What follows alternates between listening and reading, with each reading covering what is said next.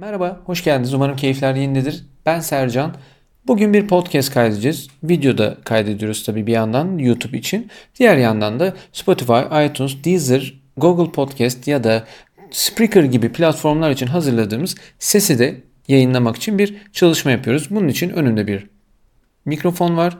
Zoom'un H6 modeli var. Yanında bir e, Rode NT-USB var. Bunu yedek olarak kullanıyorum. Şu anda aktif değil.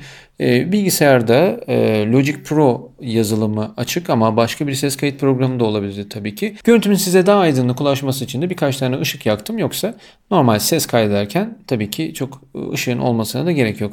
Okuyacağınız bir metin varsa görebileceğiniz kadar aydınlanması yeterli. Bugün sizlere bir stüdyo kurarken hatta bu video için bu videoya özel olarak e, bir görsel kullanmayacağım. Ekstra bakmanız, takip etmeniz gerekecek bir durum olmayacak. Yani YouTube üzerinden dinlediğiniz sesi de arka plana atma durumunuz varsa yine podcast gibi tabii ki dinleyebileceksiniz. Bu bölümde bir home studio kurarken adım adım temel olarak hangi cihazlara, yazılımlara ya da çeşitli materyallere ihtiyacımız var. Bunlardan bahsedeceğim. Bunda bir kategorilendirme çalışması yaptım bununla ilgili. Ee, şöyle bir sayıyorum hemen. 2, 4, 6, 8, 10.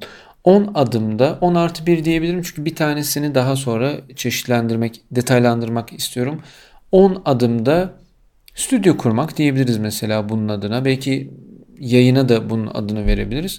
Ee, özellikle marka model belirtmeden şu olsun daha iyi olur, bu olsun daha iyi olur demeden temel olarak kategorilendirmek anlamında nelere ihtiyacımız olabilir? Bunlardan bahsetmek istiyorum sizlere. Yazılımlar, mikrofonlar, klavyeler, kulaklıklar, ses kartları, monitörler, preamfiler, aksesuarlar, eklentiler ve ek gereklilikler olarak ayrı bir e, kategori açmaya çalıştım. Şimdi şöyle gidelim isterseniz. Bir, stüdyo kurarken tabii ki müzik stüdyosu YouTube stüdyosu olarak çok da karıştırmayalım. Genelde benzer şeylere ihtiyacımız var tabii ki ama biz bunu bir home stüdyo, bir müzik home stüdyosu kurarken nelere ihtiyacımız var ve bunu 10 adımda nasıl planlarız gibi bir bilgi akışından bahsedeceğim. Birinci adımımız kayıt yazılımı. Kayıt yazılımımız neydi? Sesimizi, enstrümanımızı ya da aklımızdaki bir planı kaydederken bir bu Film kaydetmek bile olabilir. Yani filmin sesini, belgeselin ya da reklamın sesini de kaydetmek olabilir. Bunları kaydederken temel olarak bir programa ihtiyacımız var. Yazılımda, bilgisayardan bahsediyorum. Ee, tabii ki analog bantlardan bahsetmiyorum şu anda. Ee, son dönemki home studio kurulumlarından bahsettiğim için.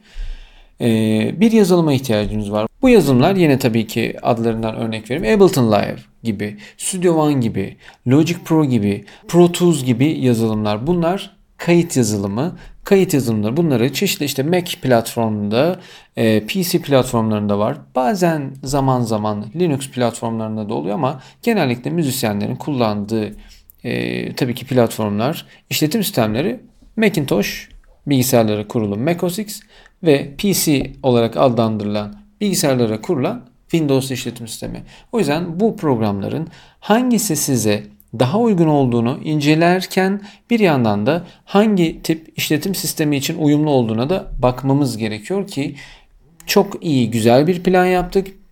PC'mizi kurduk, Windows'umuzu kurduk.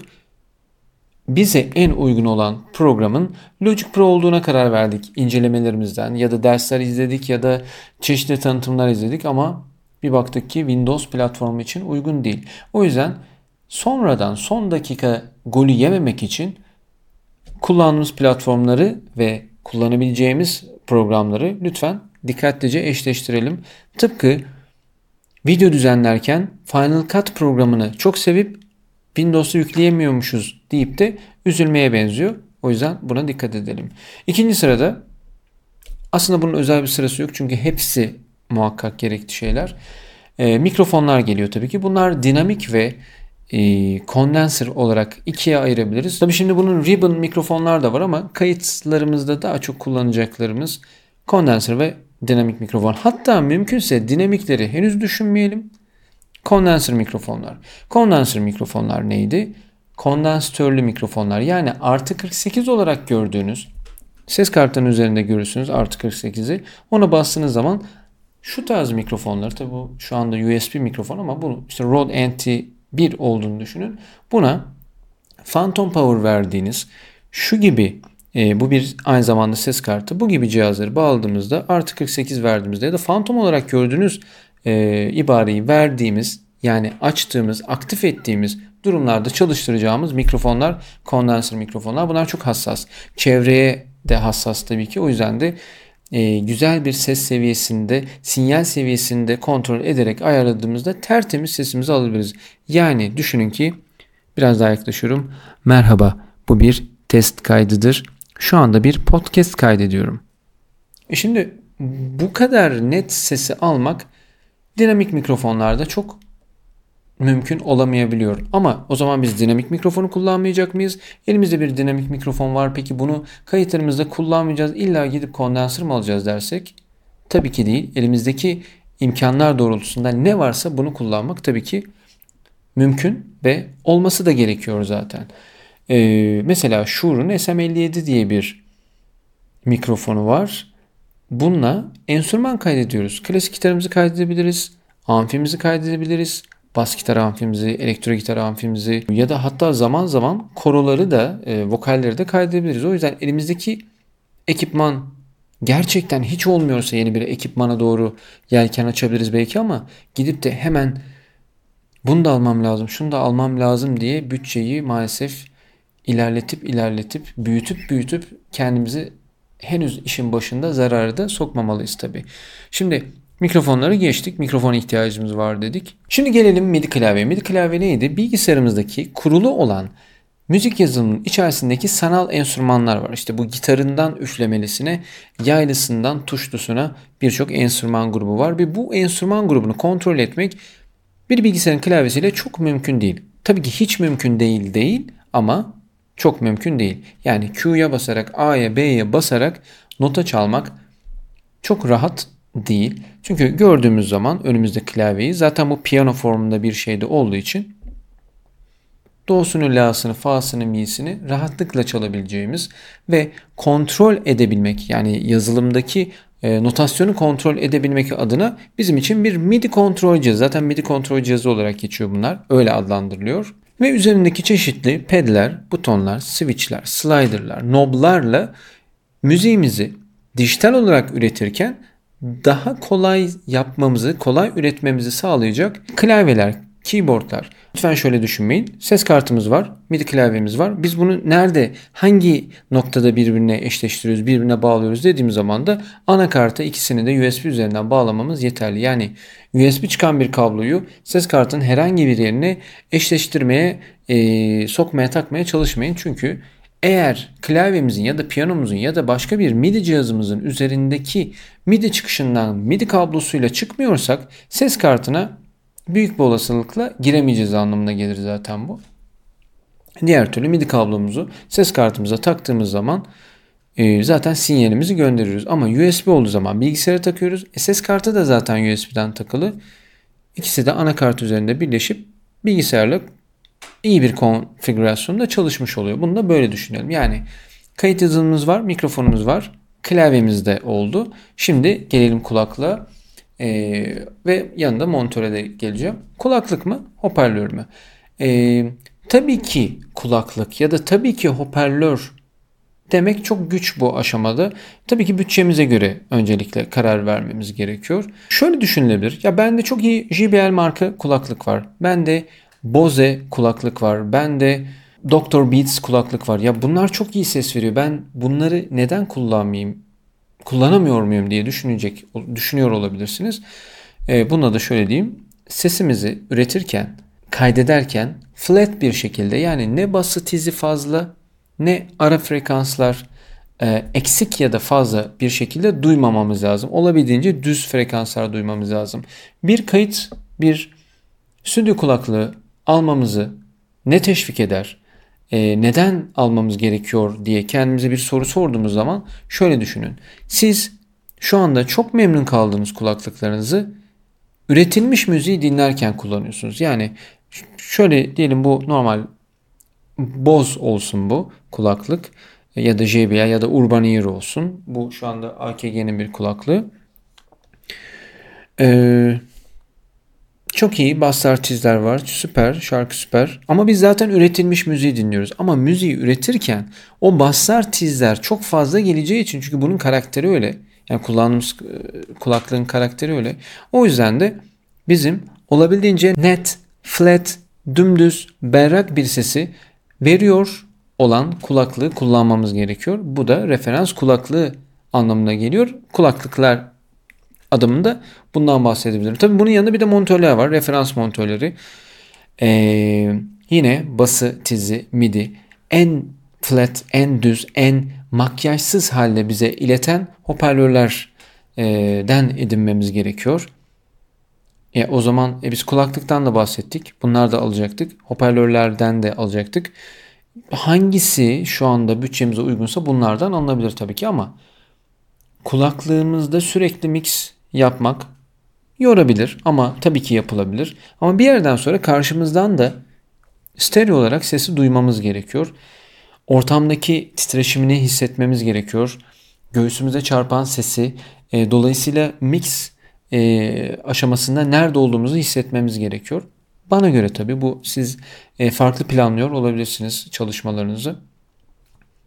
Montör adımında da bunu diyebilirim. Burada bir başka adımda preamfilerden bahsedebiliriz. Yani bunlar nedir? Enstrüman preamfileri ve mikrofon preamfileri olabilir. Ses kartımızın üzerindeki preamfiler yetmiyor mu diye düşündüğümüzde hatta preamfi ne diye düşündüğümüzde preamfi bir ön yükselteç o diye düşünebilirsiniz. Yani giren sinyali e, hem dengeli bir hale getirir hem de ekstra üzerine kazanç katarak daha güçlü bir halde sinyalimizi ses kartımıza iletir. Öyle düşünebiliriz. Tabi bunların üzerinde kompresörleri, limiterları var. Kimilerin üzerinde direkt phantom power'ları var. Mikrofon preamfilerin üzerinde. Hatta bazıları hem mikrofon hem de enstrüman preamfileri oluyor. Ee, bunlar olmazsa olmaz mı? Tabii ki olmazsa olmaz değil ama kullanıldığı zaman sese daha bir e, özellikle de içerisinde lambalı bir devre varsa daha sıcak, e, daha istediğimiz tüplü mikrofonlara yakın bir ses elde edeceğimiz için de bunu da yine bir adım, yine bir kategori olarak ekleyebiliriz. Olmazsa tabii ki olur ama olursa fevkalade çok güzel bir ses edinmiş oluruz aslında. Bunun dışındaki bir kategori ise aksesuarlar. Aksesuarlar nedir? Gitarımız var, ses kartımız var, arada kullanacağımız kablo. Bu bir aksesuar. Mikrofon da keza öyle. Mikrofonumuz var, ses kartımıza bağlayacağımız kaliteli, dip ses yaratmayacak bir kablo. Bu çok önemli. Ee, Mikrofon standı, mikrofonumuz var. E bunu elimizde tutmak olmaz. Ya ben bunu sürekli elimde tutarsam şu an önümdeki mikrofonu çatır çutur pıtır sıtır e, sesler çıkacaktır. O yüzden de hiç temas etmeden sesimizi ileterek mikrofona, mikrofonda bağlı olan e, mikrofon standının da sağlam durması sağlanarak o yüzden de kötü bir şey almamak lazım bir mikrofon standı edinmek lazım ve başka aksesuar ne olabilir? Pop filter olabilir. Pop filter diye düşünebiliriz. E, sesimizdeki şimdi birazcık farklı gelecek ses pa, pe, p, po, pü. Bunun gibi patlamaların önüne geçmek için pop filtresine ihtiyacımız var. Yani patlama filtresine ihtiyacımız var. Bunu mikrofonumuzun önüne koyduğumuz zaman sesimizi çok güzel bir şekilde bakayım var mı yakında yok. Sesimizi çok güzel bir şekilde filtreleyeceği için rahatça kullanım sağlayacaktır. Bunun dışında başka bir kategoriye adım attığımız zaman da pluginler yani eklentiler. Ben şimdi bilgisayarıma daha doğrusu kayıt yazılıma neyi ekleyeceğim? Benim hemen hemen elimdeki her şey gayet kullanışlı. Neyi yükseltmem lazım, neyi eklemem lazım diye düşündüğümüz zaman şöyle düşünebilirsiniz. Ee, Melodyne diye bir yazılım var, bir e, eklenti var. Yani vokalimizdeki hafif böyle detoneleri doğru tonlara çekecek. Düşünün audio olan bir sesi gönderiyoruz kayıda ve burada istediğimiz yerden tutup çekiyoruz. Yani MIDI'yi hani güncelleyip düzenleyebiliyorduk ya. Burada audio sesi de vokalimizi de ya da enstrümanımızı da düzenleyebiliyoruz. O yüzden de Melodyne iyi bir plugin diyebiliriz. Ben örnek veriyorum tabii bunu almak zorunda değiliz. Ee, onun dışında e, çeşitli mastering ve mixing pluginleri var. Belirli başlı e, presetler, hazır taslak ayarlar var ve bunları ayarları düzgün yere, kulağımıza göre düzgün yerlere yerleştirdiğimiz zaman sesi çok daha iyi hale getiriyor ve işimizi daha hızlandırabiliyoruz. Tabi burada pluginden kasıt sadece sesi düzeltmek değil. Burada kullanacağımız bir piyano sesi de bir plugin, bir eklenti olarak kullanılabilir. Piyano sesi, gitar sesi, davul sesi. Onun dışında bir mikrofon karakterini değiştirecek bir amfi simülasyonu, bir pre-amfi e, simülasyonu bunlar hepsi eklenti. Bunları da yine kullanılabilir diyebiliriz ve e, ekstra eklentilerden bahsetmiştim. Bunlarda da odamızı akustik olarak yalıtmak diyebiliriz. Paneller, akustik paneller kullanabiliriz. Bu bir ekstra gerekliliklerden e, bahsedebiliriz. Çünkü burada akustik perdeler buna dahildir. Akustik düzenleme süngerleri, diffuserlar, bu yansıtıcılar buna dahildir. Onun dışında duvarlardan geçersek normal bir vokal paneli, küçük bir akustik alan yaratacak vokal paneli de buna dahildir. Ee, bunu da ek gereklilikler olarak varsayabiliriz. Toplam kayıt yazılımı mikrofon, klavye, kulaklık, hoparlör, preamfi, aksesuarlar, gerekliler listesi diyelim ona ve eklentiler dedik ve son olarak ses kartı. Ses kartı bizim audio ve MIDI olarak sesimizi, sinyalimizi, datamızı işleyecek bilgisayarla analog olan enstrümanımızın ya da vokalimizin arasındaki analogdan dijitale çevirecek olan ses işleme cihazı. Bunların üzerinde mikrofon girişleri var. Bunların üzerinde hem mikrofon hem enstrümana aynı anda girebileceğimiz girişler var. Yani bunlar combo giriş anlamına geliyor. Kulaklık preamfileri var. Enstrüman preamfileri var. Kondenser mikrofonlara phantom power verebilecek kabiliyetleri var. Bunlar genellikle USB üzerinden, USB bağlantısı üzerinden özellikle iki kanal ise ya da tek kanal ise USB üzerinden enerjisini alıp herhangi bir adaptör gereksinimi olmayan cihazlar genelde 4 kanal ve üzerindeki durumlarda 5 volt artık yeterli olmayacağı için daha yüksek enerji beklentisiyle adaptörle çalışıyorlar artık. Artık hatta bunları iPad'lerde, iPhone'lara da bağlayıp kayıt alma şansımız var bu ses kartlarında. Tabii şimdi ses kartı dediğim zaman onboard ses kartım var benim olmuyor mu? Yine mi masraf kapısı dediğim zaman da onboard ses kartları ancak kendine yeter diyeyim. Yani bir multimedya oynatım için, film için, belgesel için belki Netflix'i çok iyi dinlersiniz ama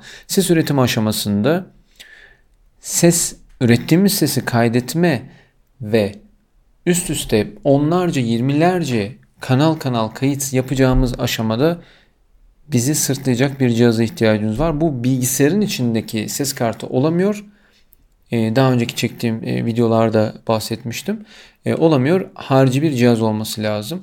Tabi dediğim gibi bunlar USB olabilir. Ayrıca Firewire olabilir. Son zamanlarda Type-C bağlantı adı verilen bağlantı olabilir. Tabi böylece bilgisayarımıza çok fazla yük yüklenmeden büyük bir oranını, yükün büyük bir oranını ses kartı alacağı için de bilgisayar işin işlemci tarafı oluyor. Ses kartı da sesle ilgili bütün o işlem tarafını sırtlamış oluyor ve e, daha hızlı bir çalışma şansımız, gönderdiğimiz sinyalleri gecikme olmadan, dip ses olmadan, herhangi bir bilgisayar sistemimizde bir zorlanma olmadan kullanmamızı sağlıyor. O yüzden ses kartı işin çok çok temel gerekliliklerinden biri. Bunun dışında artı bir demiştim. Şimdi 10 tane gerekliliklerden bahsettim. Artı bir olarak da bunların tabii ki stüdyo kitleri de var. Görmüşsünüzdür, duymuşsunuzdur, kullanıyor da olabilirsiniz. Genelde stüdyo kitleri şöyle oluyor. Ses kartı, ses kartı ile beraber yazılım, mikrofon, bazılarının içinde mikrofonun standı ve kablosu ve belki pop filtre, onun dışında bir de kulaklık. Studio Bundle setleri diye geçiyor bu. İşte hangi markaların var? Resonus'un var, Scarlett'in var, Tascam'ın var, Cubase'in var, Steinberg'in var daha doğrusu. Birçok marka işe temel olarak bu üçlüyü yani kulaklık, ses kartı ve mikrofonu bir araya getirerek çeşitli setler yaptı. Kimisi, kimi modeller, kulaklık ya da mikrofonlar hatta bir arada bunlar satılmayan sadece bu setler için üretilen modeller yaptılar. İşin burada özü lokomotifi ses kartı olacağı için de ses kartını daha iyi bir şekilde pazarlamak adına böyle bir setler yapmış durumda firmalar. E, ya da siz ayrıca kendinize de işte e, Shure'un mikrofonunu alıp Roland'ın ses kartını alıp bir başka markanın bir kulaklığını alabilirsiniz. Mesela Universal Audio'nun, e, Arturia'nın, Roland'ın e, böyle setleri yok. E, bazı firmalar daha pro ürünler çıkardığı için çok aşağılara bazen inmiyorlar. Onların kendi tercihi. Steinberg'in çok iyi ürünleri var ama yine de e, giriş seviyesi kullanıcılar için de bir set e, üretmiş durumda. Ama bence Studio Bundle, Studio seti dediğimiz zaman şöyle olmalı. Ses kartı, mikrofon, kulaklık tabii ki olmalı. Kutunun içinde olmasa bile o markanın bir şekilde o pazarlamanın içine sokabileceği mikrofon standı, yoksa kablosu, pop filtre ve tabii ki MIDI klavyesi. Yani bu böyle büyük bir bundle oluşturulup bunu da yine o setlerin içine koyulabilir. Yani kutunun içine değil de o satışın içerisine konulabilir ama tabii ki bir mağazada almak istediğiniz, satın almak istediğiniz zaman bunlar zaten oluşturuluyor. Şimdi burada şöyle baktığımız zaman kayıt yazılımı değil belki, e, preamfiler değil belki, aksesuarlar, pluginler ya da yalıtım panelleri değil belki ama mikrofona, klavyeye, kulaklığa ve hoparlöre ses kartında çok anlaşılmaz mağazalarda. E, bunları temas etmek lazım. Yani haldır uldur kullanmaktan bahsetmiyorum ama mesela bir ürünü almak istiyorsunuz. Mesela diyelim bu mikrofonu almak istiyorsunuz. Ya bu mikrofonu denememiz lazım. Ya da denenmiş halini e, bize yorumlayacak insanlara ihtiyacımız var. Bu YouTube üzerinden e, yorum izlemek e, de olabilir ama mesela şöyle düşünelim. Bu mikrofonun ses kalitesini duymak için benim bununla kayıt yapmama gerek yok. Herhangi bir e, bununla çekilmiş videoya girerim ve görürüm iş biter. E, ama MIDI klavyeye izlediğiniz videolardaki insanlar bunun klavyesinin e, ağırlığı çok güzel. Tam bana göre hayalimdeki klavye demiş olsa bile onun daha önceki hayallerinin nerelerindeki klavyelerin nerelerindeki piyanoları kullandıklarını bilmiyorsunuz. O insanların müzikal geçmişini bilmiyorsunuz. Profesyonelliklerini bilmiyorsunuz. Çok profesyonel olduğu zaman bu sefer beğenmediğinde belki sizin belki bir asgari limitiniz var ve o şimdilik sizin işinizi görecek ne olacak? Elemek zorunda kalıyorsunuz. O yüzden de takır tukur online sitelerden almadan önce fiziksel olarak mağazaya gidip Evet ben bunu gördüm, dokundum. Tamam güzelmiş. Tamam ben bunu almak istiyorum deyin. Çünkü çok fazla yanılgılar oluyor. Kimisi MIDI klavye alıyor içinde ses olduğunu düşünüyor. Kimisi e, ne onun adı? E, launchpad'ler alıyor. Ya bunun hoparlör çıkışı nerede diyor. Çünkü alacağımız cihazla ilgili araştırma yapmak bizim en asli görevimiz. Yani mouse mu alacağız? Bluetooth mı çalışıyor? Wireless mı çalışıyor? Kabloyla mı çalışıyor? Kabloyla çalışıyorsa ekstradan e, bir şarj giriş var mı? İşte biz bu diyelim Zoom H6'yı aldık. Bunun mikrofon girişi kaç tane? Kaç tanesini aynı anda kullanırsam diğerleri pasif kalıyor?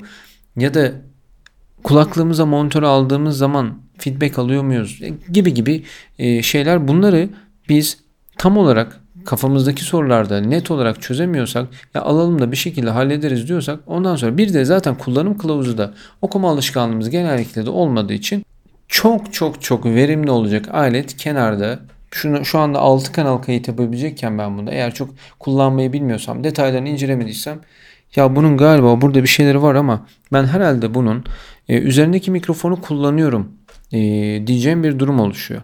O yüzden de Alacağımız cihazı iyi araştırmak, heyecanımızı yaşayarak iyice araştırma videoları, kullanım kılavuzları ya da yorumlar ya da artık platformlara bakmak ama sürekli not almak. Ben bir cihaz alacağım zaman burada sayfa sayfa notlar alıyorum. E, Tabi beni dinleyenler şu an görmüyor ama önümde bir e, cihazla ilgili notlar var. E, girişlerini çıkışlarını yazdım. E, bunlar gerekli şeyler. Böylece de siz kullandığınız cihazların üzerinde profesyonellik kazanıyorsunuz. Yani bir stüdyoya girdiğiniz zaman ya bu kadar kanalı olan, bu kadar ayarları olan mikserleri nasıl öğreniyorsunuz hocam? diye baktığınızda oradaki kalabalık 30 kanallık mikserdeki tek bir kanalı öğrenmeniz zaten yeterli aslında. Çünkü o tek bir kanalın diğerleri onların kopyası. Bir tanesinin üzerindeki ayarları öğrendiğiniz zaman orada belki de 15 tane butonu ayarı öğrendiğiniz zaman oradaki diğer 500 tanesi de onun zaten benzeri. Öyle düşünebilirsiniz. Ee, efendim şöyle bir özet yaptık. 10 tane bir home studio kurarken 10 adımda hangi malzemelere ihtiyacımız var? Olmazsa olmazlar diyebiliriz bunları. Ve bunların içerisindeki gereklilikler, ekstra gerekli olan cihazlar, aklımıza bir melodimiz, enstrümanımızda bir riffimiz, bir solomuz, bir dublaj işimiz e, ya da bir kaydedeceğimiz şarkı, bir projeye, bir yarışmaya yetiştireceğimiz bir şarkımız, şiirimiz vesairemiz olduğu zaman bunları kaydederken asgaride nelere ihtiyacımız var? Bunlardan bahsettik. Ee, tabii şu anda döviz sürekli hareket halinde olduğu için bunları kategorilendirmek de isterdim. Yani 1000 dolara kadar şunlar işimize görür, 2000 dolara kadar bunlar işimizi görür. Tabii TL cinsi işte 3000'e şunlar, 5000'e şunlar. Ama maalesef şu anda ben 5000 liraya kadar olan bir stüdyo kurduğum kurma listesi yaptığım zaman bundan 2 ay sonra o 5000 liranın yerinde yerler esecek. Çünkü daha önceden bir tane e, video paylaşmıştım bununla ilgili. Yaklaşık bir maliyet çıkarmıştım. E şimdi o maliyetler biraz kuş oldu ve 3 katı 4 katı belki de fiyatlara çıktı. Çünkü bir hayli olmuştu onun çekeli. En azından bir 1,5-2 sene olmuştu çekeli. O yüzden de böyle bir planı yapma aşamasında dolar üzerinden takip etmek e, genellikle dolar üzerinden çünkü euro üzerinden cihaz olmuyor ya da pound üzerinden belli başlı markalar oluyor.